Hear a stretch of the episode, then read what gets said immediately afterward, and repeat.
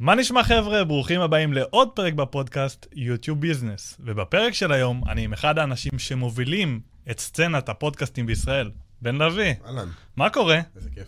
וואלה, אני יש, מה איתך?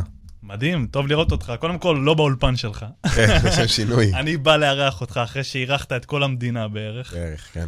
ואת כל האנשים הכי חזקים. אני חושב שזה הפודקאסט הכי מושמע בתחום ההתפתחות האישית, נכון? אמ, האמת שאין לי מושג, אני לא- לא מגדיר אותו בדיוק התפתחות אישית. אני מגדיר אותו כזה, הכל. כאילו, legit הכל. הכל פודקאסט. הכל אבל עם כף. כאילו, באמת הוא על הכל. יש לי פרקים שהם לא התפתחות אישית, יש לי פרקים שהם על שיווק, יש לי פרקים שהם על מיניות, לא יודע, מה שבא לי. אז, לא יודע אם להגיד הכי מושמע בהתפתחות אישית, הוא כן בטופ, בוודאות. בוא תן כמה מילים למי שלא מכיר אותך. אה, בן לביא, 25, אה, מתעסק ב... יש לי חברת הפקות אה, שנקראת פרספקטיב, מתעסק בעוד כל מיני תחומים, יש לי פודקאסט הכל, באמת פודקאסט מהמושמעים ביותר בארץ. אה, זהו, זה ככה קצת מזלג. התחלתי עכשיו, אה, נכנסתי קצת לעולמות התוכנה, משחק לי בין כל מיני עולמות. איזה יופי. קודם כל, מבחינתי זה כבוד לארח אותך, אתה יודע, אני זוכר עוד שהתחלת את הפודקאסט הראשון, השני, נראה לי שהכרנו עוד לפני. כן, באינסטגרם. אינסטגרם? אני חושב, מהאינסטגרם. היה עוד בחברת פירמידה שהייתי בה, אתה הכרת אותי דרך שם איכשהו, אני זוכר שדיברנו שם באיזושהי קונסטלציה, או שאני מבלבל אותך. לא, לא. כן, לא, לא אתה? הייתי בשום פירמידה, אחי. לא, אתה לא היית בה. אני דיברתי איתך באותה תקופה שאני הייתי שם. את תהילה חי, איך הכרתי? נכון. דרך שם. תהילה זה אחת אה, המנהלות צוות שלי, התותחית על, אם את שומעת את זה, אוהבים- אוהבים אותך. כן, אתה הכרתי דרך שם, ואני חושב שהכרתי אותך באותה תקופה. משהו כזה. משהו כזה. שלוש שנים אחורה לפחות. משהו כזה, כן, לגמרי, אני היית זוכר. חייל, בדיוק הקמת את העסק. נכון, אני זוכר נכון. אותך, וואלה, אני זוכר. בקטע מפתיע, אני זוכר. כן, מה, בדרך כלל אתה לא זוכר אנשים? לא, וואלה, לא טוב, בזה. אז בעיקרון בפודקאסט הזה אני רוצה שבעיקר נדבר, אתה יודע, כמובן עליך, על הדרך שלך. אה, כיף לראות, אתה יודע, אני חושב שנכנסת לתחום הפודקאסטים עוד לפני שהוא היה מושמע ממש, שלכל אחד היה פודקאסט. היית בין החלוצים, אני חושב. אז כמה שאפשר לקרוא לזה, אתה יודע, פודקאסטים בעולם זה משהו שהוא כבר 15 שנה, 20 שנה, בארץ. חמש שנים כזה. בוא, אפילו פחות. אני לא כזה הרבה זמן, אני שנתיים בפודקאסט שלי גם, אפילו לא.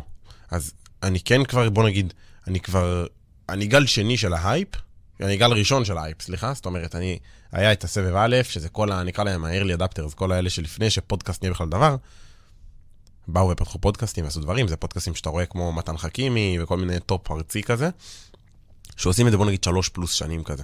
שזה אנשים שכבר מתמידים, אתה יודע, ויש להם קהל ויש להם אה, זה. ואז יש את הגל השני של ה social, שזה איפשהו אני שם. שאני כאילו נכנסתי, בוא נגיד, אה, התחלתי פודקאסט ראשון שעשיתי בכלל עם פדיקסול, שהייתי... בבית שלו, לא? נכון. כן. אני הייתי אחד מה, כאילו, מהטים של, ה, של המנחים. היה. ארבע. היינו, לא, היינו שלושה סך הכל, זה היה אני, אה, ריין ומתן אה, מלאכובסקי, ואז אחרי זה ארבע, שלוש פרקים כזה, הבנו שמספיק. פרק חמישי זה היה הפרק האחרון שלי, ואז יצאתי לפודקאסט עצמאי. ואיך התחלת את זה? זאת אומרת, אני זוכר שיש עליכם גם כתבה עליך ועל אה, או. אור, השותף שלך, בכאן 11, על זה שהתחלתם הכל ולמדתם מיוטיוב, ראיתי את זה ונהניתי. ואיך התחלתם את הכל? כאילו, בוא... איך זה עובד?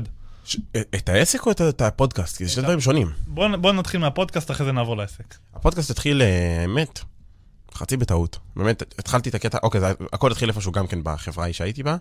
אה, גם שם הכרתי את ריין, והתחברנו סתם ברמה חברית, עשיתי איתו איזה סרטון ליוטיוב שלי שעד היום קיים, חתיכת טרול אה, אני רציני. זוכר את זה, עם איזה קופסה, unboxing של. משהו שטותי, ילדותי, מפגר, אבל זה שם. אה, לא מוחק את זה כי זה חלק בסוף מהתהליך, ואני תמיד אוהב להיזכר בדברים כאלה, להסתכל על זה אחורה ולצחוק. עשיתי איתו את הסרטון הראשון, באותו זמן הוא אמר שהוא כזה, יש לו את הפודקאסט שלו, והיה לו פודקאסט שכבר הצ- הצליח, אבל פתאום אני מסתכל על הפודקאסט שלו, ואני אומר, בואנה, יש לו שם איזה 15, 20, הפודיקאסט. כן. והיה לזה איזה 30, 40 אלף צפיות כל פרק, ואני אומר לעצמי, בואנה, למה זה מצולם ב fucking זום? מי עושה פודקאסט? זה- היה? בזום. מה? אתה רציני? זה היה דיסקורד או זום. Discord אולי. הוא היה עושה פודקאסטים ב- ב web, כאילו, אתה יודע, webcam. אה, אני זוכר את זה. יש תוכנה, אני גם ילדי Discord, אחי, אני גיימר, יש לי ערוץ. כן, Discord כזה. עד היום הוא פתוח, אתה רואה אותי עושה שטויות Minecraft עניינים, אני גם... כן, כן, בדיוק כזה. זה, אחי, נכנס, אני זוכר, כן, כן. אז הוא היה עושה כאלה, ואז אמרתי לו, בוא נעשה לך משהו רציני, אה, בוא נפיק לך אנחנו, טה-טה-טה, בדיוק עזבתי את החברה שם, ואז יצאנו לדרך עצמאית, אני ואור. זה- גם ההתחלה של העסק? כן, זה באותו זמן בערך. זה לא בדיוק ביחד, כאילו העסק התחיל קצת לפני, העסק התחיל בתוך החברה הזאת.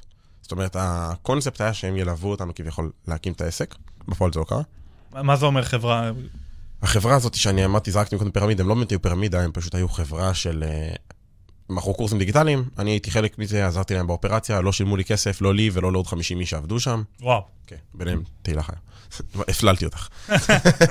אה, המון המון אנשים שהיו עובדים שם off the payroll, אף אחד לא מקבל כסף, חוץ מכמה בודדים שהיו אנשי מפתח, כמו אנשי מכירות, כמו אה, שותפים וכו'. fast forward קדימה, שנה שאנחנו עובדים שם חינם, בדיוק אני מכיר את ריין, מתחברים, נהיים חברים, לא קריטי מאוד, עזוב, שורה תחתונה, אומר לו בוא נפתח ביחד, מתגלגל קצת קדימה, פותחים פודקאסט ביחד. Uh, הפודקאסט היה תחת ה brand שלו, יש לו קהל, יש לו דברים, אמרתי לו יאללה, נצטרף אליך, אני אהיה כמו Logan Paul והחברים שלו, אני אחד החברים.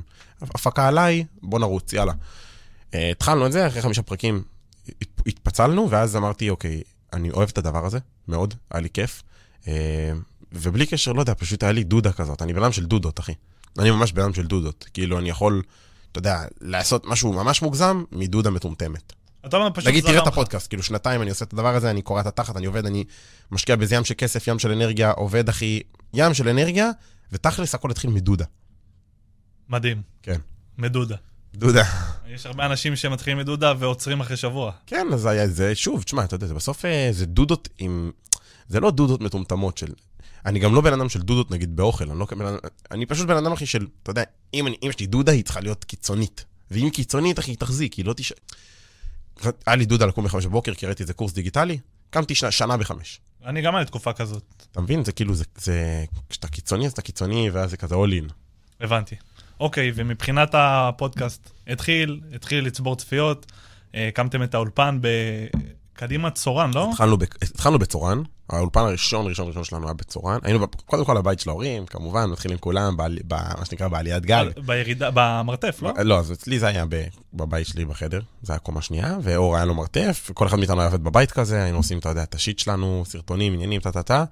פסט פורוד קדימה, כמה חודשים להקמת העסק, לקחנו את המשרד הראשון שלנו, זה היה בערך 10 מטר רבוע.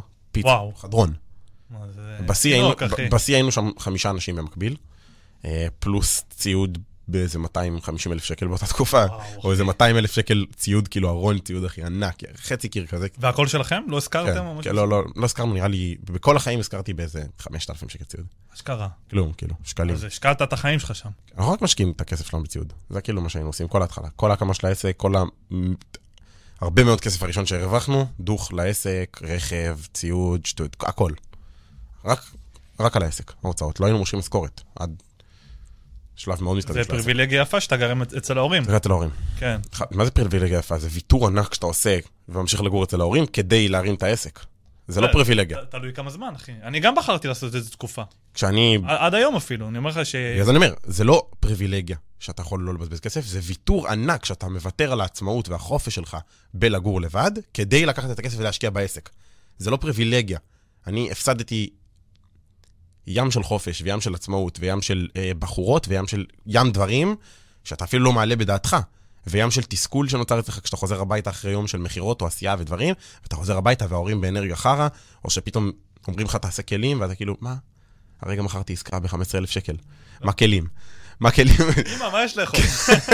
כזה, אתה מבין? ואז כאילו אתה... וזה ממש לא... אני לא מסתכל על זה כפריבילגיה, אני מסתכל על זה כוויתור עצום שעשיתי בשביל העסק. אוקיי, אוקיי? קיבלתי. לא אומר פריבילגיה יותר. ואני אומר את זה גם... לא, אני אומר גם בשבילך, ב mindset שלך, אל תסתכל על זה כפריבילגיה. אני... ברור, זה גם פריבילגיה לגור אצל ההורים. לא כל הורה יכול... אחי, בוא, בסופו של דבר זה בחירה. עשית את הבחירה הזאת כדי להתקדם בעסקים. חד משמעית. זהו. אבל זו בחירה שהיא... היא- זה חשוב להסתכל על זה כ... אני משקיע בעסק שלי ולא כוויתרתי על עצמי בשבילה. אתה מבין מה אני אומר?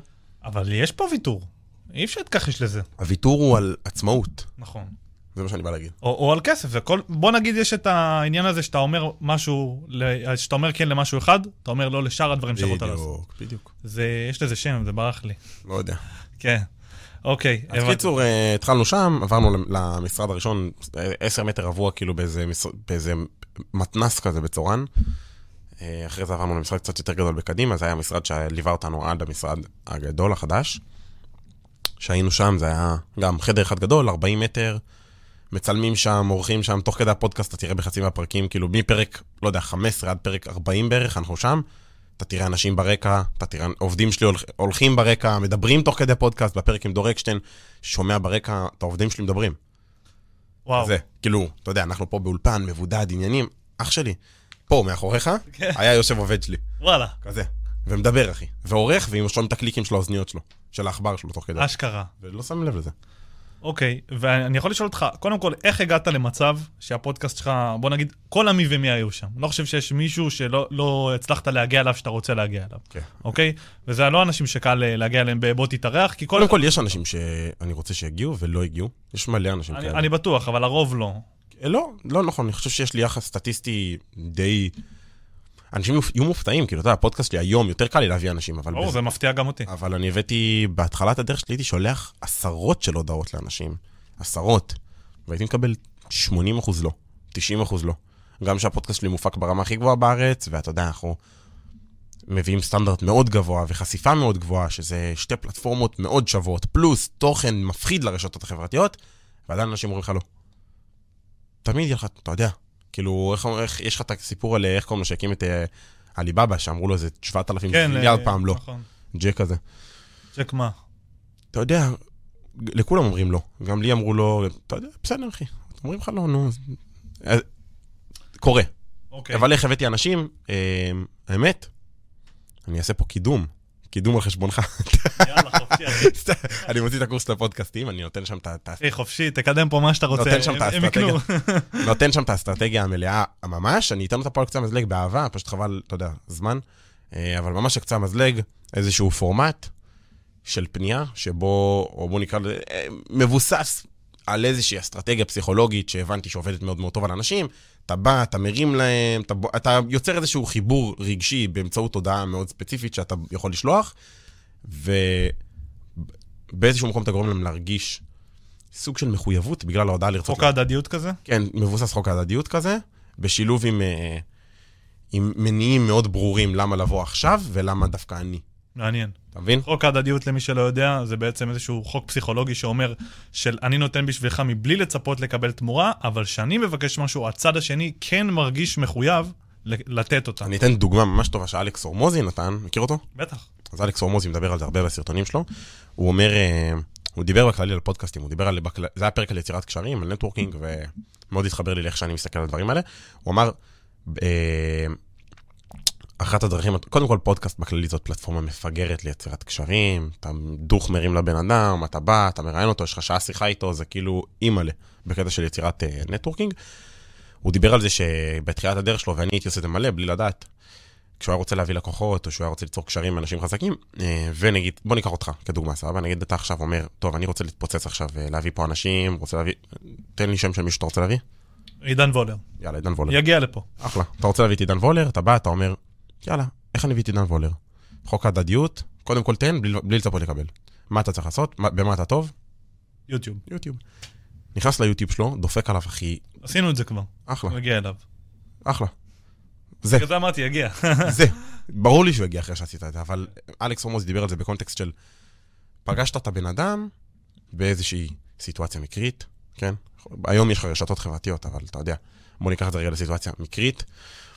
mingling בקטנה, שמע, אני ממש אוהב את מה שאתה עושה, ראיתי איזה כמה נקודות לשיפור ב YouTube שלך, הייתי ממש שמח להעביר לך כזה משהו שכתבתי לך במקרה.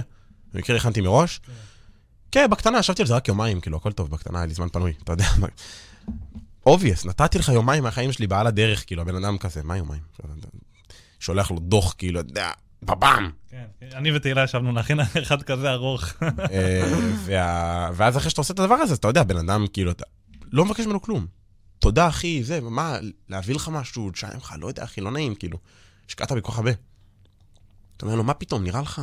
אני גם אעשה לך עוד שבוע, ואז אחרי שבוע אתה עושה לו גם follow-up, ובודק, עשית את הזה, עשית את הזה, הוא מעלה סרטון, אתה שולח לו, ראיתי שעשית את זה זה. תהליך פסיכולוגי ארוך, זה לא מכה וללכת. בבאם. מעניין. בונה אותו, אחי. שוב, זה כשאתה מדבר על אנשים רציניים, לא עכשיו על... אני לא אעשה את זה בשביל כל אחד. ברור, ברור. בהתאם לכמות הסטטוס של הבן אדם, אתה צריך להתאים את, את, את כמות האנרגיה שאתה תשקיע. זה ככה טיפ למי שרוצה להביא אנשים לפודקאסט שלו. זה לא רק להביא אנשים לפודקאסט, זה, אגב, זה בכללי networking. נכון. זה, להביא אנשים לפודקאסט, זה, בוא נגיד, דור אקשטיין, איך הבאתי אותו לפודקאסט, הוא היה לקוח שלי. הוא היה לקוח שלי, ואז יצרתי איתו קשרים, כי נתתי לו מלא ערך כלקוח שלי. ואז הוא ממש אהב אותי כבן אדם, והיה לי, פעם, אני, הבן אדם הראשון שהוא התארח אצלו בפודקאסט, והוא הרגיש עם זה בנוח, כי, כי נתתי לו ים ערך, ואז הוא פשוט אמר לי, תשמע, אני לא מתארח בפודקאסטים, אבל אני פשוט מת עליך במילים אחרות. אני בא. מדהים. אתה מבין? אז אותו דבר. בכל דבר שאתה עושה, אחי, זה יכול להיות שאתה מאמן כושר, ויכול להיות שאתה מומחה ליוטיוב, ויכול להיות שאתה מומחה לסרטונים. כל אחד יש לו את ה-value שהוא יכול לתת, במיוחד למאזינים פה, כבעלי עסקים, אני מניח בעיקר. נכון. כל אחד יש לו את הדבר שהוא עושה, זה לא משנה אם זה מאמן כושר, שיכול לבנות לבן אדם תוכנית תזונה ואימונים, ולעשות לו גם פולו-אפים, ולשאול אותו כזה איך הולך, ופה ושם, ולהראות עניין אמיתי, או שאתה, לא יודע, אחי, גנן, ותבוא לבן אדם ותגיד לו, וואי, תשמע, אתה חייב לשים פה צמח כזה וכזה וכזה, והבית שלך יראה ביותר טוב. לתת מבלי לצפות לקבל, פשוט לתת. דבר ראשון. ולכל אחד יש את הערך שלו כבעל עסק. ואם לא, אז אז הוא לא צריך להיות לא בעל עסק. כן, אוקיי. אז התחלת להביא אנשים, הפודקאסט התחיל לקבל תאוצה. איך קידמת אותו ברשתות? אז האמת שהייתה לי אסטרטגיה די פשוטה, האסטרטגיה שלי מסתכמת לשורטים מפחידים, שורטים, טיקטוקים מפחידים פשוט. פורמט גלילה. פורמט גלילה לחלוטין. בסוף, הרשתות החברתיות, אתה יודע את זה. יש לך היום את יוטיוב, אני לא, לא מדבר על, אה, על אה, יוטיוב אה, רגיל או... הקצרים. אה, שורטס. לא מדבר על שורטס, מדבר על כאילו יוטיוב הרגיל, אין הרבה חשיפה, אלא אם כן אתה יודע לעשות שם דברים מאוד יפים, וגם, מה זה הרבה חשיפה ביוטיוב? אתה יודע כמה סרטון כבר יכול להתפוצץ בארץ. בהתחלה שלו כמעט אפסי, ורק עם הערוץ טוב, אני אתן כאן גם טיפ לצופים, יוטיוב מודד את הערוץ. כמה הערוץ פעיל, כמה ביצועים שלו מקבל, על פי ההתנהגות שלו, הוא גם מחליט כמה לחשוף את הסרטונים. יכול להיות שתעלה סרטון בערוץ לא פעיל, שמע, אני שנה וחצי, שנה שמונה כבר מעלה פרקים בפודקאסט, בהתמדה פנומנלית. מהרגע שהתחלתי לא הפסקתי בחיים. בחיים, אני כבר בפרק 40 shortcast ים, פלוס איזה ש- 70 פודקאסטים, אני 110 סרטונים, פלוס short ים שעשיתי. במצטבר, אין לי כזה הרבה subscriber ים, יש לי איזה 7,000. בארץ זה, זה יפה, אבל שתדע לך. כן, זה יפה בארץ, אבל ביצים שלי הארץ, אחי, כאילו, כן. זה לא מעניין. רגע, לכמה אתה מכוון להגיע? בוא, לפני הכל. אחי, אני מכוון להם כמה שיותר, אין, אין כאילו... אני- מה, 50 אלף? קודם כל אני מתחיל עכשיו גם תוכן באנגלית, פעם ראשונה עשיתי פודקאסט באנגלית. עם, וואלה. כן, עם אה, אה, אוליבר ברוקטו, אני לא יודע אם אתה מכיר אותו, של ה- לא. של האי-קומרס, יש לו את הברנד הזה של השוקולד, סקס צ'וקלט. לי סייף עולה. מישהו אחר עם הצ'ה שוקולד, אחי. עולה לי אנטוניו. מי זה אנטוניו? אנטוניו צחור של ה... הוא הקליט פה לא מזמן, אגב, שתדע לך. אני לא יודע מי זה. אה, בחור של אי-קומרס, גם יש לו איזה מותג אי-קומרס של... ישראלי? כן. אוקיי, מה הוא עשה? מה- המותג שלו? אה, יש לו מכירת אה, פרחים ושוקולדים מארזים לאישה אונליין. לא, אז לא כזה, אלא... הוא יצר מותג של שוקולד, כביכול שוקולד... מובחר? לא, כביכול שוקולד ויאגרה. זה כזה, כאילו. אוקיי. הוא נהיה כאילו brand אחוז שרמוטה, הוא התפוצץ בטיקטוק מטורף, אחי, הבן אדם על איזה... מחזור, כאילו, ה brand שלו שווה היום 11 מיליון דולר מחזור שנתי, ואתה יודע, ילד- אחי. ילד אה, בן- בן ילד בן כמה? 21. די. כן, הוא בא אליי לפרק, היה טירוף, אחי. וואו. אז אז אתה יודע, זו הפעם הראשונה שעשיתי תוכן באנגלית, זה היה מאוד מוזר, אחי, גם העברית שלי של כפרה עליי, האנגלית של אחי, כאילו, היא סבבה, יש לי אחלה אוצר מילים, אבל... אה, אבל כאילו בשיחה זה קצת נתקע. אתה, שחוק, אחי, לא עשיתי מאז תגלית, אחי, לא דיברתי אנגלית, אז אתה יודע, כאילו... אני חלוד הייתי לחלוטין, זה היה מאוד קשה להחזיק את השיח, היה לי מקומות שממש נתקעתי.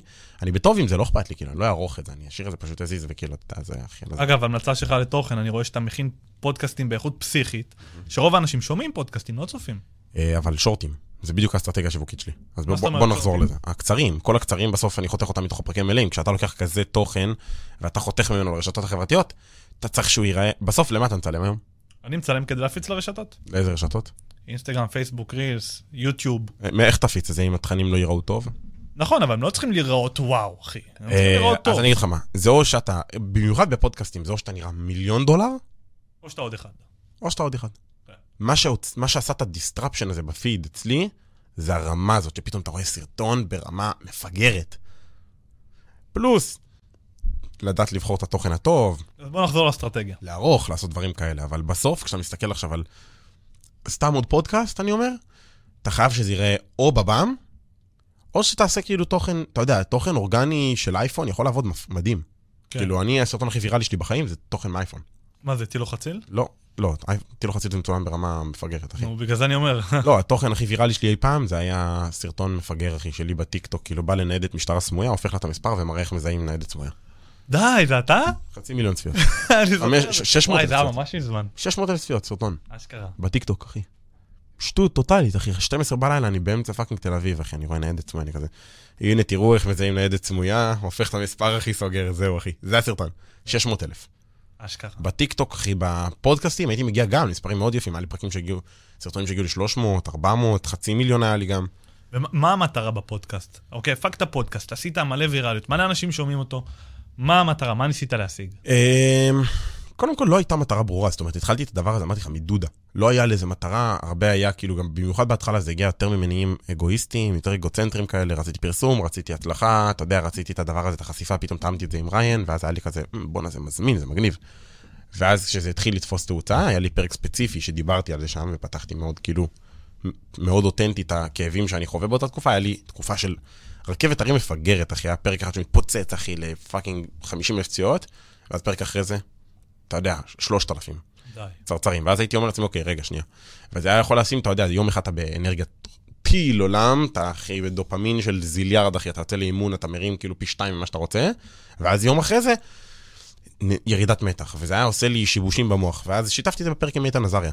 ובפרק שלו הוא דיבר איתי, אה, הוא, הוא אמר לי, כאילו, הרמה הבאה שלך כיוצר תוכן, זה להתנתק מהתוצאה, ובאמת לבוא כדי לעזור לאנשים אחרים. ואז אתה גם לא תרגיש את התלות הזאת בתוצאה. זאת אומרת, ברגע שאתה עושה את הפרקים בצורה האותנטית שלך והטבעית שלך, ואתה עושה את זה כדי לעשות פשוט טוב בעולם, ולא כדי לקבל צפיות, או חשיפה, או פרסום, או לקוחות, אז פתאום התוצאה של זה היא לא כל כך קריטית לך. פתאום היא לא כזה גם משפיעה לך על המזג, על המצב רוח, על האנרגיה. ומאותו פרק זה היה תהליך של חודש, חודשיים, עד שבאמת הצלחתי לשחרר את הדבר הזה. היום אני יכול להגיד שאתה יודע, היום אני עושה את הפודקאסט כדי לעזור לאנשים, היום אני יכול להגיד לך שזה פשוט, אתה יודע, יש לזה מלא תעודה אה, נוספת שזה עושה על הדרך, זאת אומרת, יש לזה המון המון ערך מוסף שזה מביא לי לחיים, אבל הדבר העיקרי שמבחינתי הדבר הזה עושה, זה אני עוזר לחבר'ה צעירים, יזמים בתחילת הדרך, חבר'ה שרוצים התפתחות אישית, ולי מאוד מאוד קשה לראות כל הנוכלים באינסטגרם, כל האנשים שמוכרים לך חלומות, כל המטיפים שאומרים לך איך לחיות ומה לעשות, ואני פשוט מביא את הטון שלי בצורה שלי, מהזווית שלי ומהחוויות שלי, ואם אנשים אוהבים את זה, אז מדהים, ואם אנשים לא אוהבים את זה, אז גם אחלה. אל תראה. כן, ופשוט אחי אני עושה את מה שאני עושה, ופשוט נותן את זה כדי, אתה יודע, לעזור פשוט לאנשים שלא יחוו את מה שאני חוויתי, את הדברים הרעים, ומהצד השני גם שיקבלו את התובנות שאני מה- מה חווית הדברים הרעים? היה להיות דופמין? לא, גם, אתה יודע, זה כל דבר, אחי. יש לי פרקים שאני מדבר שם, אחי, על הכל. אני משתף בפודקאסט שלי על דברים סופר סופר אישיים. יכול להיות לי פרקים שדיברתי על סטרס שאני חווה בחיים שלי, ואיך הוא משפיע לי על ה... על ה... על ה... הכי הרגש... היה לי תקופה שהייתי, שהיה לי מלא נשירה בשיער, כי הייתי בסטרס, והיה לי תקופה, אחי, שהיה לי חרדת ביצוע עם בחורות, כי הייתי בסטרס, ואחי, אתה יודע, דברים סופר אישיים, שפשוט, אתה יודע, למדתי איך להתמודד איתם, קיבלתי כלים. למה שבן אדם אחר שמאזין לפודקאסט שלי לא יקבל את הכלי הזה, בלי לסבול את מה שאני סבלתי? אז זה גם חלק מהאסטרטגיה. אם אני לוקח את זה טיפה אחורה, זה גם להיות חשוף ולהיות אמיתי, אבל על אמת, על הדברים הכי אישיים. ה- זה לא אסטרטגיה, זה פשוט, אחי, אני חושב כל העולם הזה של יצירת תוכן, כאילו, ב... במהות שלו, ברגע שאתה לא מגיע ממקום כזה, אז אתה לא באמת יכול להצליח כיוצר תוכן, כי אתה לא אתה. אני יכול להגיד לך שיש הרבה אנשים שמכינים תוכן של, רגע, איך אני עכשיו מראה להם שאני יודע? רגע, איך אני עכשיו מראה שאני, שאני טוב? ואחד הפרקים שדיברתי עם עמרי כהן, כאן, הוא, הייתה פה תובנה של ליצור תוכן זה לשתף את המסע שלך. זה לשתף את מה שאתה עובר, את, את הדרך בעצם. ולזה ממש התחברתי. ומאז כל התכנים שאני מוציא, זה תכנים של מה אני עשיתי, או מה הדברים שאני עשיתי לא טוב, ואיך אתם יכולים ללמוד ו- ולחסוך את הכאב הזה, כמו שאתה אומר. כן. אמנם ביצירת, אה, אתה יודע, בעסקים בעיקר, ביוטיוב, פחות כזה התפתחות אישית לקהל הרחב, כי זה תחום שיותר מושך אותי. אז אה, קודם כל מגניב לראות את זה מהצד שלך. לא ידעתי, אתה יודע, שאתה חושף דברים כאלה אישיים, ואני שומע את הפודקאסט, יכול להיות שדילגתי על כמה פודקאסטים. אולי זה בשורטקאסטים יותר וכאלה. כן? כן.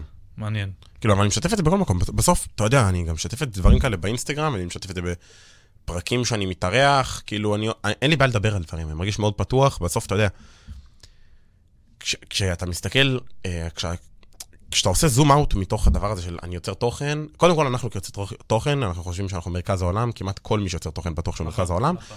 ואחת הדרכים שלי להזכיר לעצמי שאני סתם עוד בן אדם בעולם, זה הדבר הזה של להיות סופר פגיע מול המצלמה, ולזכור שכאילו בסוף אתה יודע, כשבן אדם מאזין לפודקאסט הזה, לא משנה עכשיו, כשאנחנו פה, כנראה שהמאזינים של זה, אחד, אתה יודע, עושה כלים תוך כדי, אחד נוסע באוטו תוך כדי, אף אחד לא עכשיו שומע את זה ושופט אותך, אף אחד לא יותר מדי אכפת לו ממך, הם בעיקר לוקחים את זה לחיים של עצמם, בעיקר הם מחפשים את התובנות בשביל עצמם, וזה, וזה בסדר, ככה זה צריך להיות. גם כשאני מאזין לאלכס או מוזי, אני מחפש את התובנות בשביל עצמי, אני לא מקשיב לו כדי, כי אני מהלל את הבן אדם, אני מאוד מאוד אוהב אותו ואני תופס ממנו והוא דמות להערצה מבחינתי, אבל בסוף אני עושה את זה בשביל עצמי. ברור. ואז כשאתה מבין את זה, אז כאילו אתה גם אומר לעצמך, כאילו, all good. אתה מבין מה אני אומר? כן. מדהים. אוקיי, ועוד שאלה. אוקיי. מבחינת העסק, איך זה, זה קידם אותך, הפודקאסט, ההפקת תוכן, אני בטוח שהיה לזה איזשהו אפקט, אבל כמו שאמרת בהתחלה, זה היה מבחינת, קודם כל חשיפה ופרסום, מה שנקרא. זה התחיל, שוב, במקום של פרסום, עם הזמן שהתפתח להיות כבר משהו שהוא יותר... אה, הנפת את זה אבל.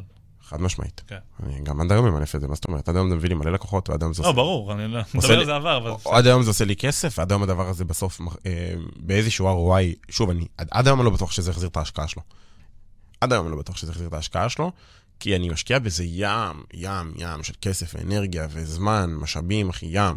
אז זה בונה לך מוניטין. אז זהו, אז זה- אני חושב שזה באמת החלק הקריטי שאנשים מפספסים בפודקאסט, לשם דוגמה. זה לא בהכרח שפודקאסט צריך להמיר לך כסף, כמו שזה פשוט, אתה יודע, ממצב אותך. זה ממצב אותך באיזשהו מקום, ואתה יכול לייצר תוכן בצורה יציבה, ואתה יכול לחתוך מזה דברים, ואתה פשוט תמיד בתודעה של אנשים, כאילו... אין כמעט בן אדם, אין כמעט פגישה שאני מגיע היום, במיוחד חבר'ה צעירים שאני מגיע, וזה לא שם לי איזושהי סטמפה של חותמת איכות כזאת של, אה, זה זה עם הפודקאסט, אה, זה פה, זה שם, שמעתי עליך, אמרו לי עליך, ראיתי אותך, או שאנשים שמזהים אותך, ופתאום אתה יודע, ישר יש לך נקודת זכות, ישר, אתה מתחיל, מי, מי, אתה יודע, מבן אדם אנונימי, אתה בא לאיזה, אפילו אתה בא למסעדה, אחי, והמלצר מאזין לך, אתה יודע, הוא, הוא ייתן לך יחס אחר, זה הכל. נכון. אתה בא ל, ל, לכל דבר שאתה עושה, אחי, הכל פשוט נראה אחרת. כל החיים שלך בסוף משתנים באיזושהי צורה, אה, ואני עדיין לא כזה מוכר. זאת אומרת, כן, יש לי עכשיו בפרקים חזקים גם 70, 80 אלף מאזינים, אבל בסטנדרט, אחי, זה 10, 20, 30 אלף. זה על זה הרבה. כאילו זה כלום. אחי. זה הרבה, זה הרבה, זה הרבה, אבל זה לא כזה הרבה ביחס לבן אדם שהוא באמת מפורסם, אתה מבין? כאילו, בן אדם עכשיו, תיקח עכשיו, בן אדם... אתה רוצה להיות מפורסם ברמה כזאת?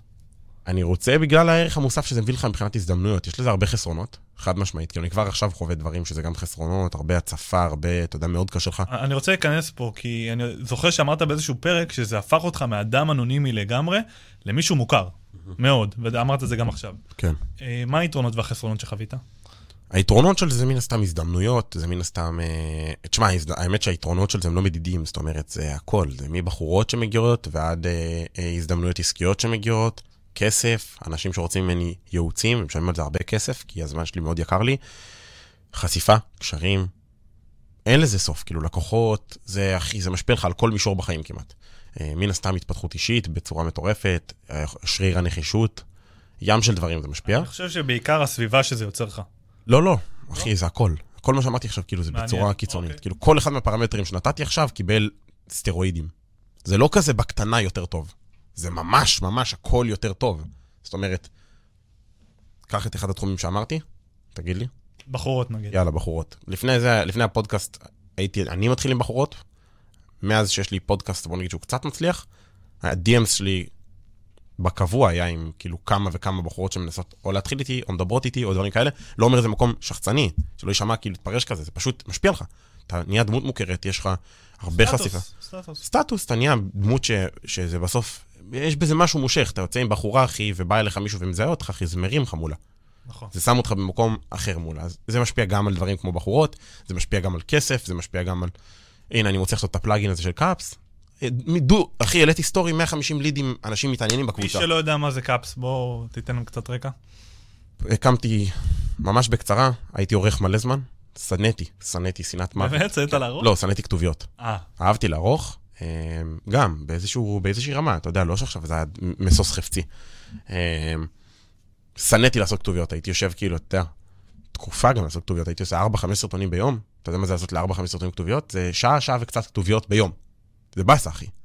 גם כשאתה מאוד מתורגל, אז, אז זה 50 דקות, בסדר? אחי, זה כל יום. 20 ימים בחודש, אתה מבזבז, אחי, 18 שעות מהחודש שלך. אתה מכונת תוכן מטורפת אבל. כי אתה מוציא מלא תוכן.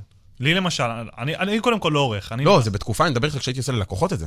אה, חשבתי לעצמך. לא, מי היה 5 סרטונים ביום, אחי? מה, אני חולה? כן. אה, חמש לקוחות ביום, אחי. אתה מבזבז, בואנה, שעה מהיום שלי הולך לכתוביות. ואני זוכר שזה כאב שליווה אותי המון, ואז, אחי, פתאום התחלנו לגייס אורחים. ואני רואה את האורחים שלי עושים כתוביות, אחי, זה מתסכל אותי. ואז חיפשתי כל מיני פתרונות יצירתיים. הבאתי ספקים, הבאתי עובדים, היה לי עובד שעושה רק כתוביות. זה התפקיד שלו. וואו. הוא לא, לא התפגר לך מתישהו? בגר, בגלל זה הוא לא קיים יותר. אה, אז היה אחד עובד, והיו לי אה, ספקי חוץ, והיה לי הכי תוכנות ודברים ועניינים, ושום דבר לא עבד באמת טוב. שום דבר לא הצלחתי לססטם למערכת הקבועה של העסק, שירוץ אוטומטי. לפני חודשיים בערך פגשתי איזה שתי חבר'ה, יוצא 8200, גאונים כאלה, אחי, עובדים על איזה תוכנה, צ'ופ צ'ופ AI, עושים, אחי, איזה משהו, תוכנה לפודקאסטים, שאתה זורק לה את הפודקאסט והיא חותכת לך קטעים קצרים, כמו זה שרץ ב-M1 עכשיו, רק שלה- אחי, שלהם. אני מכיר כזה באנגלית. כן, בעברית. זה זה, זה זה. זה כזה של אנגלית. הם, הם עושים אחד באנגלית. ואז אני באתי ואמרתי להם, תשמעו, בואו נעשה את אותו דבר, רק את הכתוביות ובעברית. רק את הכתוביות, אני לא צריך את כל העריכה. אבל, הטוויסט זה שזה בפלאגין בתוך הפרמיר. ואז אמרו לי, אתה יודע להביא לזה לקוחות? אמרתי להם, כן. תוכיח, סטורי. עשר אנשים תוך שעה, אחי, אמרו לי, כאילו, אני רוצה, תביא פרטים, אני רוצה, תביא פרטים. הנה, בואו תראו.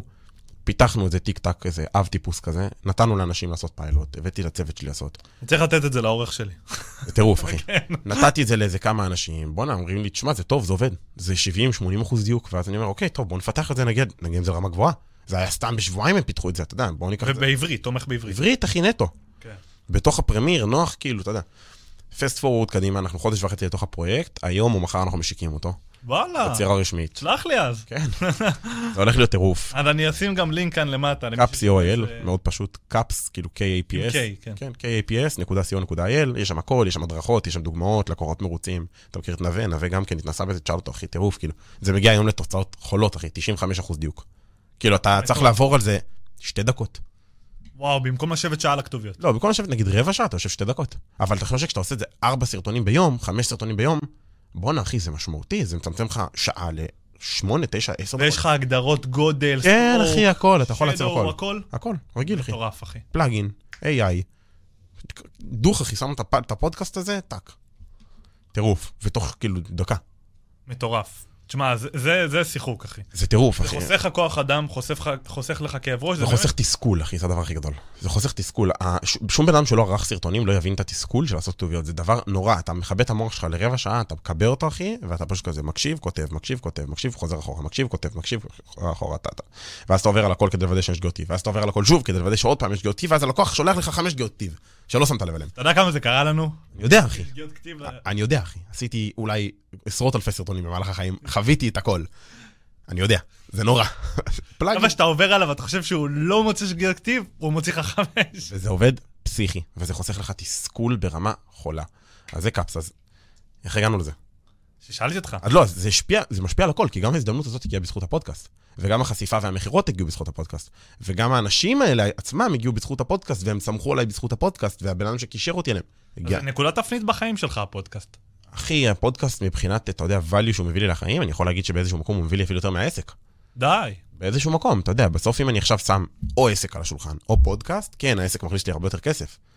אבל הפודקאסט פוטנציאלית, בטווח של הסתכלות של חיים, הוא ישפיע לי הרבה יותר על החיים, כי גם בעזרתו מינפת את העסק. בצורה מטורפת. וגם אם אני עכשיו סתם, קיביתי מחר את פרספקטיב קומפלט, אין, אין חברה, יש לי רק את הפלטפורמה של כמה עשרות אלפי מאזינים שמאוד אוהבים אותי, כי נתתי להם מלא ערך לחיים, ואני פשוט אומר, סגרתי את העסק, תביאו לי הצעות. אתה יודע כמה הצעות אני מקבל? מדהים. פסיכי. ואיך... עזוב, בלי להגיד, אני מקבל מלא הצעות. דיברנו על היתרונות. מה עם החסרונות של של להיות מפורסם, נקרא לזה ככה? אני לא מסתכל על עצמי כמפורסם, אגב, זה כן כאילו, זה כן... אה, כן צריך להגיד את זה באיזושהי צורה, אתה יודע, אני כן דמות מוכר, מוכרת, מוכר. אני דמות מוכרת, אני בסוף, אתה יודע, אני פרצוף מוכר. אה, חסרונות, חסרונות ענקיים, חסרונות הכי... בעיקר אבל, ובעיקר אני אגיד, באים אה, לידי ביטוי ב... שזה גורם לך מאוד להיות אגוצנטרי, זה גורם לך להרגיש שאתה מרכז העולם, אתה מרגיש, כאילו, אתה יודע, אתה גם... מה, אגו? גם אגו, זה מנפח את האגו, וגם... אה, פגשתי אותך לדעתי אצל... במועדון היזמים, נכון? מה שקרה שהגעתי לשם, אחי, זה היה מוגזם מבחינתי. זה לא היה לי כיף כבר. כאילו, קפצו עליי המון אנשים, אחי. בגלל זה נפנפת אותי אז. אני לא יודע, אחי, לא אתה מבין שאני לא זוכר כאילו את הכמות האנשים שבאו אליי, זה היה כבר מוגזם בשבילי, אחי. זה כבר לא היה, באתי כאילו בשביל לחוות את החוויה, הוא הזמין אותי מתן לראות את הכנס, באתי, אחי, זה, זה היה מגניב בדקה הראשונה, של כזה, אוף, רגע. זה היה מעיק כאילו בשלב מסוים? אה, תשמע, בסוף זה כיף. בסוף שבאים אליך אנשים ומזהים אותך, וזה מרים לך את האגו, וזה כיף. שים אה, את הפוליטיקלי בחור- קורקט בצד. כן, שם את זה בצד, אחי, על הזין שלי פוליטיקלי קורקט, אני לא בא להגיד להיות פה זה. זה כיף. אבל באיזשהו שלב, אחי, יש מקומות שזה יכול להיות קצת פחות נעים, אם בן אדם מגיב בצורה לא... אם יש לך אנשים שהם חסרי טקט או חסרי אה, מודעות סביבתית, חברתית, פתאום בא אליך בן אדם, אחי, בסיטואציה לא מתאימה וקופץ ורוצה, אחי, תשומת לב ומצפה שאתה... ואתה, ואתה בסוף דמות שאתה צריך גם לרצות אנשים אחרים באיזשהו מקום. אה, אני חושב, פעם ראשונה שהקשבתי לשיר של טונה, שהוא מדבר על, אה, נראה לי רוק 30 זה נקרא, שהוא מדבר בדיוק על הקטע הזה של אה, הוצאתי שיר, ואז השיר הזה התפוצץ, ומאז אני הולך למכולת, ואנשים קופצים עליי כאילו בשביל שטויות, והפכתי לכל מה ששנאתי בסלב, סבבה? אז באיזשהו מקום, בדיוק הדבר הזה, זה נקרא הדבר השלילי שבזה. כאילו, אתה פשוט, בעל כורחך, אתה קצת חייב להפוך להיות דושבג. אתה חייב להפוך להיות קצת זין. אבל זה כי אתה רוצה, כי אתה לא מרצה אחר, אתה דואג לעצמך, זה הגיוני. זה הגיוני. אה, לבן אדם כמוני שהוא מרצה בטבע שלו, אה, זה לא תמיד מסתנכרן עם הערכים הטבעיים. תסביר. אם אתה בן אדם מרצה, אתה בן אדם שכאילו בטבע שלו הוא מאוד כזה חשוב לו שכולם מסביב יהיה להם טוב, ואכפת לו מאנשים מסביב וזה, ואז אתה צריך לדפוק לבן אדם כאילו, כאילו, הכי לא מתאים, אני... הזדיין. כן. זדיין, במילים אחרות, אני יותר חשוב לי ממך. זה קצת לא נעים לך, אחי. אתה מרגיש עם זה לא בנוח, ולפעמים אתה אפילו לא מצליח לעשות את זה. לפעמים אתה בא ואתה בדיעבד מצטער שהלכת לאיזושהי פגישה, או מצטער שעשית איזשהו משהו, ואתה יודע, שרפתי את הזמן שלי, שרפתי את האנרגיה שלי, נתתי פה הרבה יותר מדי אנרגיה לבן אדם שאני לא צריך. מן הסתם, אתה יודע, מלא, אה, אני קורא להם חולדות עבר. אנשים כאלה מהילדות, ששמו אולי זין בילדות, צצים, רוצים וואי, דברים. זה שם טוב חולדות עבר. כן, חולדות כאלה שיוצאות מהביובים, אחי. שאלה, אני הכרתי אותך אז, שזה, מה? לא כזה, לא ברמה אפילו של, אתה יודע, אני הכרתי אותך, אלא ברמה של כזה, תשמע, איך התפתחת, ובוא נשב, וזיוני שכל, וזה. ואתה יודע, טוב מאוד שזה בעקבות, נקרא לה ההצלחה שלך. וגם אין להם ערך לתת לך, הם רק שואבים. אז א', אין להם ערך לתת לך, ב', אתה כבן אדם מרצה, קשה לך מאוד להגיד להם לא, אוקיי? באמת? אני אני לא חווה את זה. כן. לא לכל אחד, שוב, אתה יודע, זה גם תלוי לאיזה רמה אתה, באיזה רמה של אה, מנטליות יש לך, ואיזה רמה של אנשים פונים אליך, אם זה פתאום עכשיו מישהו ש... מישהי ספציפית שרצית בילדות, לא רצתה אותך, פתאום באה ועושה לך את זה. אתה חושב שתצליח להגיד לה לא? יכול להיות. אה. התקלת. עכשיו, אתה יודע, אתה לא מבין את כמות הסיטואציות האלה שזה קורה. אחת מהן בטוח תהיה מישהי שרצתה אותך. אחת מהן בטוח. היה לי מלא כאלה. היה לי מלא סיטואציות כאלה של מישהי שרציתי אותה, לא רצתה אותי בילדות, באה ודופקת לי, אתה יכול להיות עם כל בחורה פה במועדון. אומרת לי את המשפט הזה, אתה יודע, זה מתסבך אותך באיזשהו מקום. וואי, זה דופק את המוח. דופק לך את המוח. אשכרה. דופק לך את המוח, ואז אתה כאילו, אתה מרגיש איזשהו רצון כזה לתת לה אנרגיה בחז... שוב, משהו לא מוסבר, אני כאילו עדיין לא פיצחתי בדיוק למה זה. אז יש הרבה חסרונות לדבר הזה, וגם, שוב, עם כל ההזדמנויות שזה מביא, זה גם מביא מלא הצעות פחות טובות, אנשים, כל מיני, אני אקרא להם נוכלי רשתות חברתיות כאלה ואחרים. אה, אז זה מביא הכל, זה גם מביא- טוב וגם רע. זה מביא הכל מהכל, בדיוק. מעניין. אין, כאילו, אתה יודע, כמו כל דבר בחיים. כאילו, כמו העסק שלך מביא לך רק טוב. ברור שלא. זהו. זה כמה לקוחות, יש לקוחות חרא, כולנו יודעים את זה, אוקיי? יש לקוחות חרא, שבדרך כלל זה אלה שמתווכחים איתך על המחיר, ושואבים ממך הרבה דברים שאתה לא אמור לתת, וזה קורה בעקבות חוסר תיאום ציפיות, בעיקר. לגמרי. אוקיי? יש לך מצב שבאים לך לידים לא מדויקים, ואתה מבזבז זמן, אבל מצד שני אתה רוצה לתת לו ערך. כי אתה לא רוצה לבוא לראות אם הוא רלוונטי ולנתק את השיחה. יש הרבה דברים בלהיות בעל עסק שזה חרא. כן. והרבה חרא עד שאתה מצליח, ולא כולם מצליחים, וזה החלק הכי עצוב. שהם חווים את החרא וסוגרים. כן. אוקיי? בדיוק זה, אז כאילו, אתה יודע, זה פוגש אותך בסוף בכל עולם שאתה תתעסק בו. בין אם זה ספורט, אתה יודע, זה להתאמן. זה טוב או רע? זה בריא בסך הכל, זה טוב, זה עושה אותך יותר מאושר, אבל יש לזה חסרונות, אתה יכול להיפצע. זה מבזבז לך זמן. יש שם חסרונות, לא יודע להגיד לך, האם יחס עלות מול תועלת שווה את זה? בטוח שכן, באימונים לטעמי כן, אבל יש דברים, אחי, שפחות אולי, ויש דברים שיותר, ויש תחומים שיותר, ויש תחומים שפחות. ובדיוק ככה. overall, אחי, ליצור תוכן זה דבר מדהים. מדהים, בלבד. כאילו, אני כמעט ולא רואה בזה חסרונות. גם החסרונות של זה בסוף, אתה יודע, הם אתגרים, הם לא חסרונות. זה דברים שאתה, שברגע שאתה עובר אותם, הם דבר חיובי. כן. בדיעבד. זאת אומרת, נגיד הלקוח הזה ששאב ממך יותר מדי דברים, אז למדת לעשות חוזה עבודה ותיאום ציפיות. ואז זה לא חוזר על עצמו. וגם זה חוזר לעצמו, אז אתה תלמד עוד שיעור. כמו מערכות יחסים, אחי, אתה חווה קשר עם מישהי, למדת מהקשר הזה שאתה רוצה מישהי שהיא, לא יודע, אכפת לה מהבריאות שלה, קשר הבא אתה לא תיכנס לקשר עם מישהי ש... שלא אכפת לה מהבריאות שלה, או מישהי ש... לא יודע, אחי, התקשורת שלה גרועה, או כל פעם משהו אחר, אחי, שאתה תלמד מקשר. אותו דבר, אחי. אתה עולה skills, נקרא לזה. כן, אתה עולה לבלים, אחי, כבן אדם, חד משמעית. מדהים. אוקיי, מבחינת הפודקאסט, אני יודע, אני עושה איזה cut מהיר. הצלחת, קיבלת חשיפה, איך מינפת את זה לעסק? אוקיי? מבחינת איך חשבת על מוצר, איך חשבת על אה, להגיע לאנשים, לה- להכין חבילות. אתה יודע, בסופו של דבר, כשאתה מתחיל את עולם העסקים, אתה מתחיל אותו טבולה ראסה. אתה לא יודע שצריך לעשות חבילות, ופה, ואפסיילים, ושיווק ועניינים. אני מאמין שלמדת את זה גם בעל הדרך. רק על הדרך. כן? לא לקחת הכשרות, כלום? בחיים שלי עשיתי... עשיתי... כצלם של סדנאות ודברים כאלה, למדתי דברים. נגיד הייתי בסדנת מכירות של לקוח שלי, מור פאר, צילמתי לו את הסדנה. התארח פה לפניך. אז אחלה מור. היום? אה, לא, לפני... אה, בסדר. אה, אז מור פאר היה לקוח שלי, מהלקוחות הראשונים שלי, אגב. אגב, גם דרך אותה חברה שהייתי בה, שהכרתי אותו שם. וצילמתי לו סדנאות. הייתי לומד דרכו מכירות, כן. אתה מבין? אז בחיים שלו לקחתי בפועל הכשרה או איזה משהו בסגנון הזה, פשוט הכי התגלגלנו. זאת אומרת, התחלנו בחברה ההיא ויצאתי משם, ואז הכי פשוט התחלתי למכור. אני מאוד בגישה של כאילו בלי זיוני שכל, פשוט just do it. וואלה.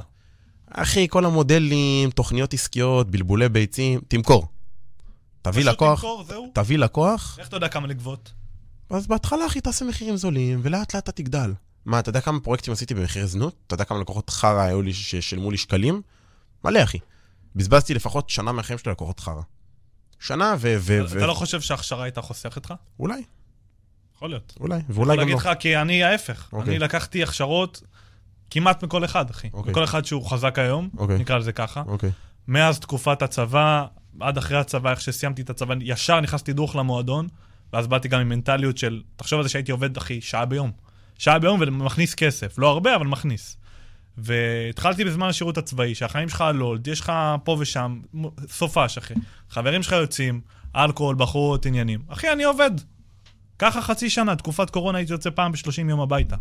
אני אני חושב שאני בין האנשים שחוו את הצבא הכי חרא מבחינת התקופה. אמ, זה, זה גם ויתור שעשיתי, כן? לא מתחרט עליו לרגע. לרגע, אני אומר, וואלה, זה היה שווה את זה, אוקיי. אוקיי? ואתה מרגיש שהסדנאות האלה עזרו לך בצורה משמעותית? חד משמעית, חד משמעית. אתה, אתה לא מבין כמה, כי אני רואה את זה, זה כמו, זה כמו להתגלח על אחרים, נקרא לזה ככה, רק כשאתה רואה את, את, ה- את הטעות מגיעה, שנגיד אתה בא לעשות איזושהי טעות, וכאילו מישהו חסך לך אותה, ואתה מכניס את עצמך, את עצמך ל mindset כזה. אני אגיד לך משהו. יכול להיות, לא בא להוריד מזה. אה, לא, פשוט שנינו בגישות שונות, תגיד מה שאתה רוצה, אחי. לא, לא. אני לא בא להוריד מזה. פ... אני פשוט מאוד בגישה של...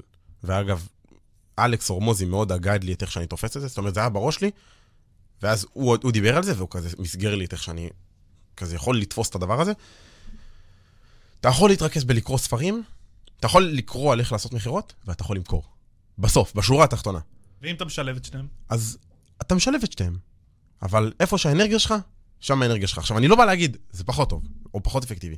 פשוט, כשאתה בסימולציית מכירה וכשאתה עושה שיחת מכירה בפועל, סיטואציות שונות. היית פעם בסדנת מכירות? אה, בסדנת מכירות? למדת מכירות באיזושהי קונספציה? בטח. הייתי אצל מור, אחי, למדתי אצלו. סבבה.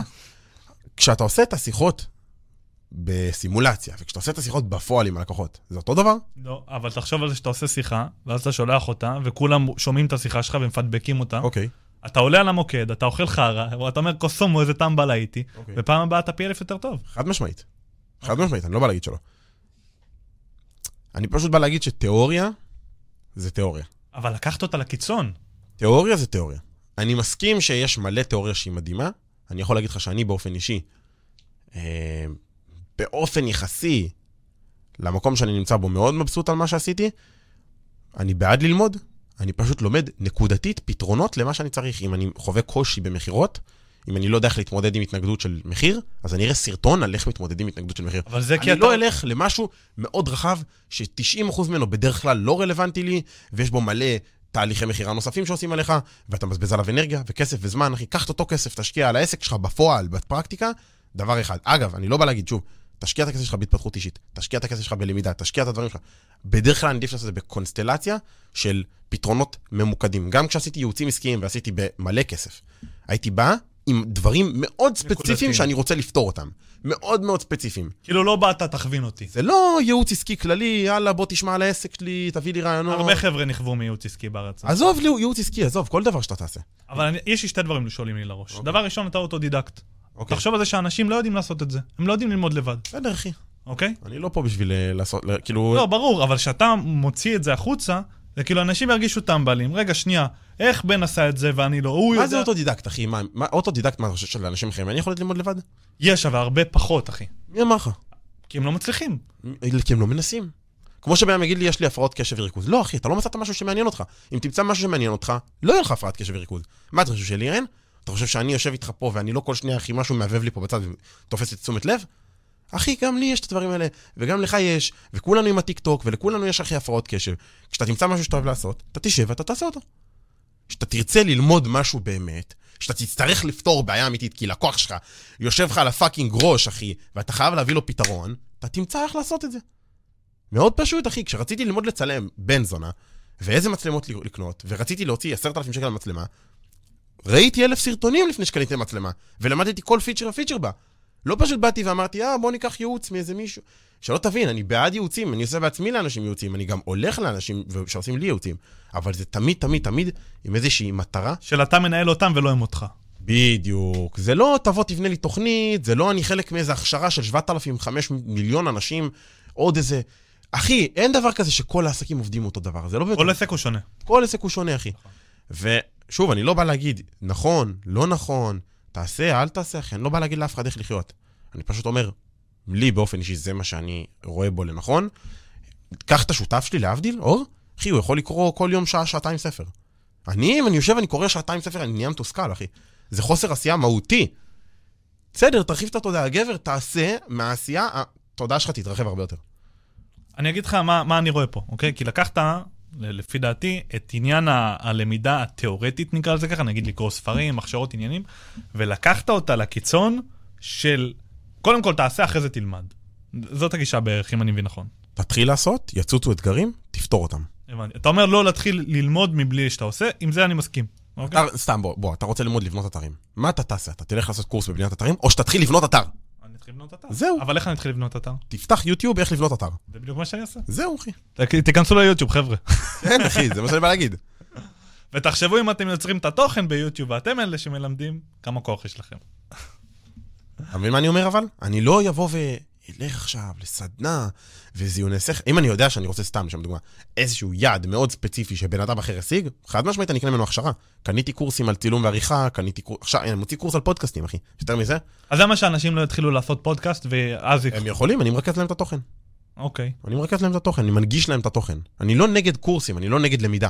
אני פשוט אומר, תעשה ואז תלמד. אם אתם כבר עושים, תתחילו, תפתרו בעיות.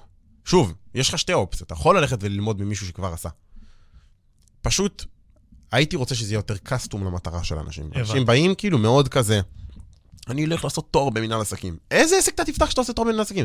תלך תפתח עסק ואז תלמד מנהל עסקים. ואז תלמד איך עושים הנהלת חשבונות, כשבפועל יש לך חשבונות לנהל. כאילו, מה אתה לומד ניהול חשבונות? זה מטומטם, אחי. מה אתה לומד לי על מודלים עסקיים אם אתה לא יודע, אחי, מה זה עסק? זה לא באמת... זה מלא תיאוריה, מלא תיאוריה. תיאוריה היא אחוז מתוך, הפרק, מתוך החיים. כאילו, החיים עצמם, בפרקטיקה, הכל שונה, אחי. פעם בחיים שלך למדת תיאוריה משהו והוא היה נראה אותו דבר במציאות? ממש לא. בחיים לא. אף פעם. כי המציאות גם כל הזמן משתנה. נכון. גם עכשיו אני מוציא קורס על פודקאסטים, אני יודע שאני חייב לעדכן את התכנים שלו, כי עוד חודשיים, אחי, מה שאני מדבר עכשיו לא רלוונטי. אז ההסתכלות עצמה של אנשים, של אני אלמד, אלמד, אלמד, ואז אני אתחיל לעשות, ואז אתם תחזרו ללמוד. זה מה שיקרה. ואז אתם תבינו שכל מה שלמדתם לפני זה היה בזבוז של זמן וכסף. כן, יש כלים ויש דברים שרוחביים ועובדים לכולם, ותופסים, אחי, ואתה הולך ואתה בייעוצים עסקיים, לא משנה מה. הבן אדם, שוב, הוא יכול להביא לך מלא ערך, אנשים יכולים לתת לך ערך מטורף, אחי. אני לא נגד ייעוצים עסקיים, שלא ישתמע. אה, חזרת על זה מיליון פעם, אחי, הבנו. זה חשוב. יאללה, בוא נתקדם. כן, סבבה. אוקיי. אז מינפת את, ה... את העסק שלך דרך הפודקאסט, איך עשית את זה בדיוק?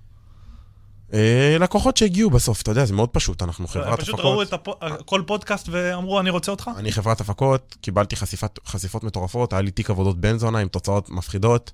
היה לקוחות שראו את זה, אהבו, אמרו אני רוצה. עוד לקוחות, עוד לקוחות, עוד לקוחות.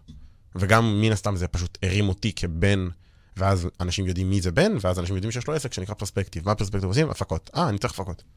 עכשיו מכרת חצי ממנו, לא? לפני כבר אה, הרבה זמן, אבל כן. כבר נכון. לפני מעל חצי שנה כבר. אני זוכר אה, שבכתבה, אחד המשפטים שלך היו, זה או, ש... או שאני מקבל אה, 100% ממניות... אה, 100% מהפיצוצייה או אחוז מקוקה קולה? כן, וזאת הגישה שהלכת עליה. זאת האג'נדה, חד משמעית. אוקיי, אתה יכול אה, אולי לשתף קצת על פחדים או דברים שהיו לך לפני המהלך? אתה יודע, אתה מוכר היו מלא פחדים. חצי מה baby, זה ה baby שלך בסופו של דבר. מה זה ה baby, אחי? זה המפעל חיים שלי. זה ממש אוקיי. לא ה baby שלי, זה ה fucking מפעל חיים שלי. אני מהשחרור עבדתי בזה. אה, אומנם זה לא כזה הרבה זמן בהסתכלות של חיים, זה כולה שנתיים היה באותו זמן, אבל זה היה שנתיים שעבדתי כמו fucking בן זונה, הייתי עובד 16-17 שעות ביום, כמו חזיר. כמו חזיר הייתי עובד, ו... זה היה בסוף, אתה יודע, הדבר, אז זה היה הפעם הראשונה בחיים שלי שבניתי ערך עצמי. כל הערך העצמי שלי התבסס על התוצאות שהשגתי בעסק, כל הביטחון העצמי שלי, הפודקאסט שלי, כל ההצלחה שלי התבססה על העסק הזה. אז מן הסתם היו ים של פחדים. אה, הפחדים היו בעיקר שזה לא יצליח, שזה לא יעבוד, כל מיני דברים אה, פסימיים, מלא וריאציות. שזה, שמזיינים אותי שוב, ושזה עוד פעם נוכלות, ושפה וששם. או שזה לא יגדל וזה לא יעבוד. או ש... לא יודע, אחי, אלף ואחת דברים ומחשבות ומיליון פחדים. אה, אבל במקביל גם כל הזמן שאלתי את עצמי, מה אני רוצה להגיע בחיים שלי? מה היעד הסופי? או מה היעד בעוד עשור, או בחמש שנים? וזה כן הסתנכרן לי הרבה יותר טוב מבחינת הפוטנציאל הגעה ליעד. כאילו החזון. כן, אם אני הסתכלתי על עצמי כאילו איתם או בלעדיהם, האופציות שלי הוא או ללכת איתם, או ללכת בלעדיהם, לקחת מינוף ולסכן את עצמי, ב, אתה יודע, בבלאגן. למה אתה מתכוון? מינוף, אתה מכיר את הקונספט? כן, אבל בוא תמחיש אותו טיפה יותר, כי זה נראה כללי לי עדיין. מינוף אה, אמיתי, כאילו לקחת עכשיו הלוואה מהבנק כדי למנף את העסק. אוקיי. לקחת הרבה כסף מהבנק, בבת אחת, כדי לגייס מלא עובדים, מלא דברים, בבת אחת לעשות scale כאילו מוגזם. הרגשנו שבנינו תשתית חמודה, ואמרנו, או שאנחנו הולכים עם לאוס עכשיו, הם קונים אותנו, ועושים איתם את ה scale, או שלוקחים עכשיו 400, 500, 600 אלף שקל הלוואה מהבנק, ו... ויעני, שמים עכשיו תקציב 300 אלף שקל קמפיינים בשלושה חודשים הקרובים, כאילו, מתחזרים על החיים, מגייסים מלא אורחים, מלא צוות, אנשי מכירות, בלאגן. מעניין. זה היה שתי האופציות שלנו, ואז אמרתי, כאילו, אוקיי, איפה יש לי פחות סיכון, ואיפה אני גם יכול להגיע ליעד שלי בצורה יותר מהירה ואפקטיבית, והתשובה הייתה ברורה מאוד. מעניין. כאילו, בסוף אתה יודע, זה אנשים שהם 15 שנה בתחום שלי, יש להם 1,500 לקוחות פעילים בתחום שלי, זה נראה לי מינוף יותר שווה מכסף. קצת יותר מבטיח. כן. אבל בעיקר הניסיון, בעיקר האנשים עצמם, כי בסוף אתה יודע, תיקח לי עכשיו את כל מה שיש, יש לי את הידע. אז אה, אותו דבר להם, רק 15 שנה. אני עשיתי פה פרק על גיוס אה, צוות, אוקיי? ואמרתי שאנשים זה הדבר הכי חשוב בעסק לפני הלקוחות, לפני הכל, כי בלעד- בלעדיהם אתה לא יכול להנגיש ולתת את מה שאתה יודע. אני יכול לתת את הידע שלי לכמות מאוד מצומצמת של אנשים בעולם, אם לא היה לי צוות. אה, נכון, אבל עד רשתות חברתיות, כאילו, אתה יודע, אתה כן יכול ליצור... אני מדבר איתך על לקוחות. אה, לקוחות פרופר? כן, אני עובד, אני עכשיו איתך בפודקאסט, אני לא יכול לשבת עם לקוח. כן. אוקיי, הזמן שלי מוגבל, גם אם אני עובד עם לקוח מהבוקר עד הערב. אני לא יכול לעשות את זה, אני לא יכול להכין סרטונים, גם אנחנו מפיקים. שמע, יש לך אנשים שעושים עסקים של מיליונים בוואן מן שואו. כאילו, יש לך אוטומציות היום, יש לך דברים מטורפים. אנחנו עכשיו מטמיעים אוטומציות בעסק, ים של כסף זה עולה, אבל העסק הופך להיות יותר אוטומטי. זאת אומרת, אתה ממש יכול להטמיע דברים מאוד מאוד גדולים בעסק שלך, ולעשות אותם סופר אוטומטיים, לא אומר לך בהכרח, זה מחליף צוות. בסוף יש דברים שאתה לא יכול לקחת מהם את הגורם האנושי. כמו שיש את ChatGPT, אתה חייב מישהו שיוודא שהוא עושה עבודה טובה. תמיד יש את הגורם האנושי, ואי אפשר להיבנ... כאילו, נקרא לזה, פשוט להכחיש אותו, והוא לא, בוא נגיד, אתה לא יכול פשוט לא להתייחס אליו, לקיימות שלו, אבל, אה, כאילו, צוות, שלא תבין, צוות זה באמת אחד הדברים הכי חשובים שיש, אני לא יודע אם זה הדבר הכי חשוב שיש, אבל זה דבר מאוד מאוד חשוב, מאוד. אוקיי, מה, בלבלת אותי לא קצת. הייתה שאלה. לא, פשוט אמרתי על הצוות, ואמרת לי שזה, רגע, יש לי אוטומציות. כשאתה אומר אוטומציות, למה אתה מתכוון? מה- אתה יכול לעשות אוטומציות כמעט לכל דבר. תשמע, אתה, אמנם אתה פה בפודקאסט, אבל אתה יודע, אם עכשיו המוצרים שלך היו מוצרים דיגיטליים, והיה לך פאנל דיגיטלי שלם שרץ בצורה אוטומטית, ויש לך אה, וובינר שרץ והוא מוקלט מראש, ויש לך איזשהו, אה, אה, אפילו אני אגיד, כאילו, אתה יודע, לא איזה טאלנט, איזה הודי אחי שעונה לצ'אט שם, אתה יודע, אתה יכול לעשות דברים מאוד מאוד אוטומטיים. קח funnel ים בחו"ל, יש לך נגיד את Full Time Filmmakers, שזה חבר'ה שיש להם קורס דיגיטלי על צילום ועריכה, יש להם funnel חולני שעושה כנראה כמה מיליונים בחודש, והוא אוטומטי. אבל זה עדיין מוצר כללי. מה זה מוצר כללי? כשאתה עובר? custom עם בן אדם, אם אני רוצה ייעוץ עסקי או ייעוץ יוטיוב נגיד, הוא רוצה אותי, הוא לא רוצה איזה קורס דיגיטלי, הוא אומר, אני רוצה לשבת איתך, אחי, לפגישה. אין בעיה, אחי, אתה יכול לשבת איתי. את זה אתה לא- את זה אתה לא יכול אבל למנף. כשאתה עושה scale, אתה, גם הזמן שלך שווה יותר, אחי. בשביל לשבת איתי היום, אתה צריך לשלם הרבה יותר ממה שהיית צריך לשלם איתי. כשהייתי one man show, אבל אם- אם אני רוצה סרטון מבית ההפקות שלך, אני לא עושה לך את הסרטונים. ברור שלא. אני גם לא מתעסק בהם. אבל יש לך צוות. נכון? ואם לא היה לך צוות, מי היה עושה לי את הסרטון? לא, ברור שאני. כמות הסרטונים שאתה יכול להוציא, אבל אתה היא מסתכל, מוגבלת. כי אתה פשוט חושב רק על service, אבל יש לך עוד מלא עולמות. אני מדבר בעיקר על service, כי כן. גם מי ששומע אותנו זה service בעיקר. אז א', גם אנשים של service יכולים להוציא מוצרים דיגיטליים, גם אני עכשיו מוציא קורס פודקאסט, גם אני מוציא קאפס, plugin כתוביות בעברית. כל אחד יכול להמציא מוצרים חדשים ויכול לעשות דברים שלא בהכרח דורשים את הזמן שלו. זה בעיקר דיגיטל, אחי. זה לא משנה מה זה. גם לא בדיגיטל אתה יכול לעשות את זה. אתה. יכול, אתה יכול להוציא מוצרי מדף, אתה יכול להוציא דברים כאילו שהם לא, אני לא יודע, תגיד לי עסק לדוגמה. אני... לא, נגיד ספרים אני יכול להבין שזה אוטומטי. נגיד שיש קמפיין ספר שמוכר את בסדר, עצמו. ספרים זה לא, זה לא באמת כסף גדול, אם אתה לא עושה זה משהו בבם. בסדר, אבל זה אחלה מוצר פרונט. בסדר, לא משנה. שורה תחתונה, תן לי עסק ואני אגיד לך כאילו, לא יודע, אתה גנן עכשיו, ואתה רוצה להפוך את העסק שלך שהוא שירות לאוטומטי. לאוטומטי. אז כמובן שזה או צוות, או לחלופין, תבנה איזשהו, אנא ערף, אחי, מחברת הדרכה לגננות בבית בכלום כסף, לא משנה. עצם הרעיון שיש לך מוצר שהוא באמת לא תלוי בזמן שלך, זה משנה לך משהו בראש. אתה יודע, אנחנו כאנשי שירות, אחי, אני יודע שאם אני סוגר עסקה בסכום, אני צריך אחרי זה ל fucking to, to deliver, להיות שם כאילו. נכון. אתה יודע איזה mindset shift מטורף. פתאום כשמכרתי את קאפס, פתאום, אחי, לקוחות משלמים ואני פשוט, אה, זהו, נגמר. כאילו, אחי, אתה רואה כזה את ההתראה. של ה... של ה... של הסליקה. ואז אתה כזה, רגע, אני לא צריך לעשות כלום. המוצר קיים. זה, לא, זה אפילו לא מוצר קיים, זה, זה service, אגב, SaaS זה Software as Service, כאילו הדבר הזה נקרא SaaS. SaaS זה ראשי תיבות של Software as a Service. תוכנות כמו נטפליקס, ספוטיפיי, קאפס, plugin ים, Premiere, כל דבר שאתה מתעסק בו בסוף, בסוף שהוא שירות, אבל הוא בתוכנה, זה SaaS. אתה יודע איזה mindset shift מוגזם זה, אחי? פתאום אתה מוכר משהו, אחי. דמיין שאתה היית מוכר איזשהו לי יש קורס דיגיטלי גם שרץ. עזוב, אז קורס דיגיטלי זו דוגמה טובה, אבל נגיד בוא ניקח סתם, נגיד היית מפתח plugin שעושה את ה... כמו TubeBuddy. אוקיי. שהוא כאילו עושה לך SEO. איזה מגניב זה, אחי. פתאום, פתאום הלקוחות שלך משלמים לך גם עוד 200 שקל בחודש, ואחי, זה רץ, זה לא רק צריך לדאוג שהוא קיים באחסון. למעלה. כלום, כאילו, אחי. אתה משלם כמה דולרים בחודש, אחי, כמה עשרות, כמה מאות דולרים בחודש, ואחי, זה יכול לעשות לך unlimited money. צריך לפנות למפתח עכשיו בגללך. אתה צריך קודם רעיון, אחי, וה- והפצה. כן, כן, לגמרי. בדוק, אחי. אז. אה, אני חושב, שוב, אתה יודע, אמ, כל העולם הזה של נותני שירותים הוא, הוא מאוד מוגבל. אני הבנתי שגם, אתה יודע, במיוחד בישראל יש לנו תקרת זכוכית שהיא יחסית לא כזאת גבוהה. וזה פשוט, אה, אתה יודע, זה...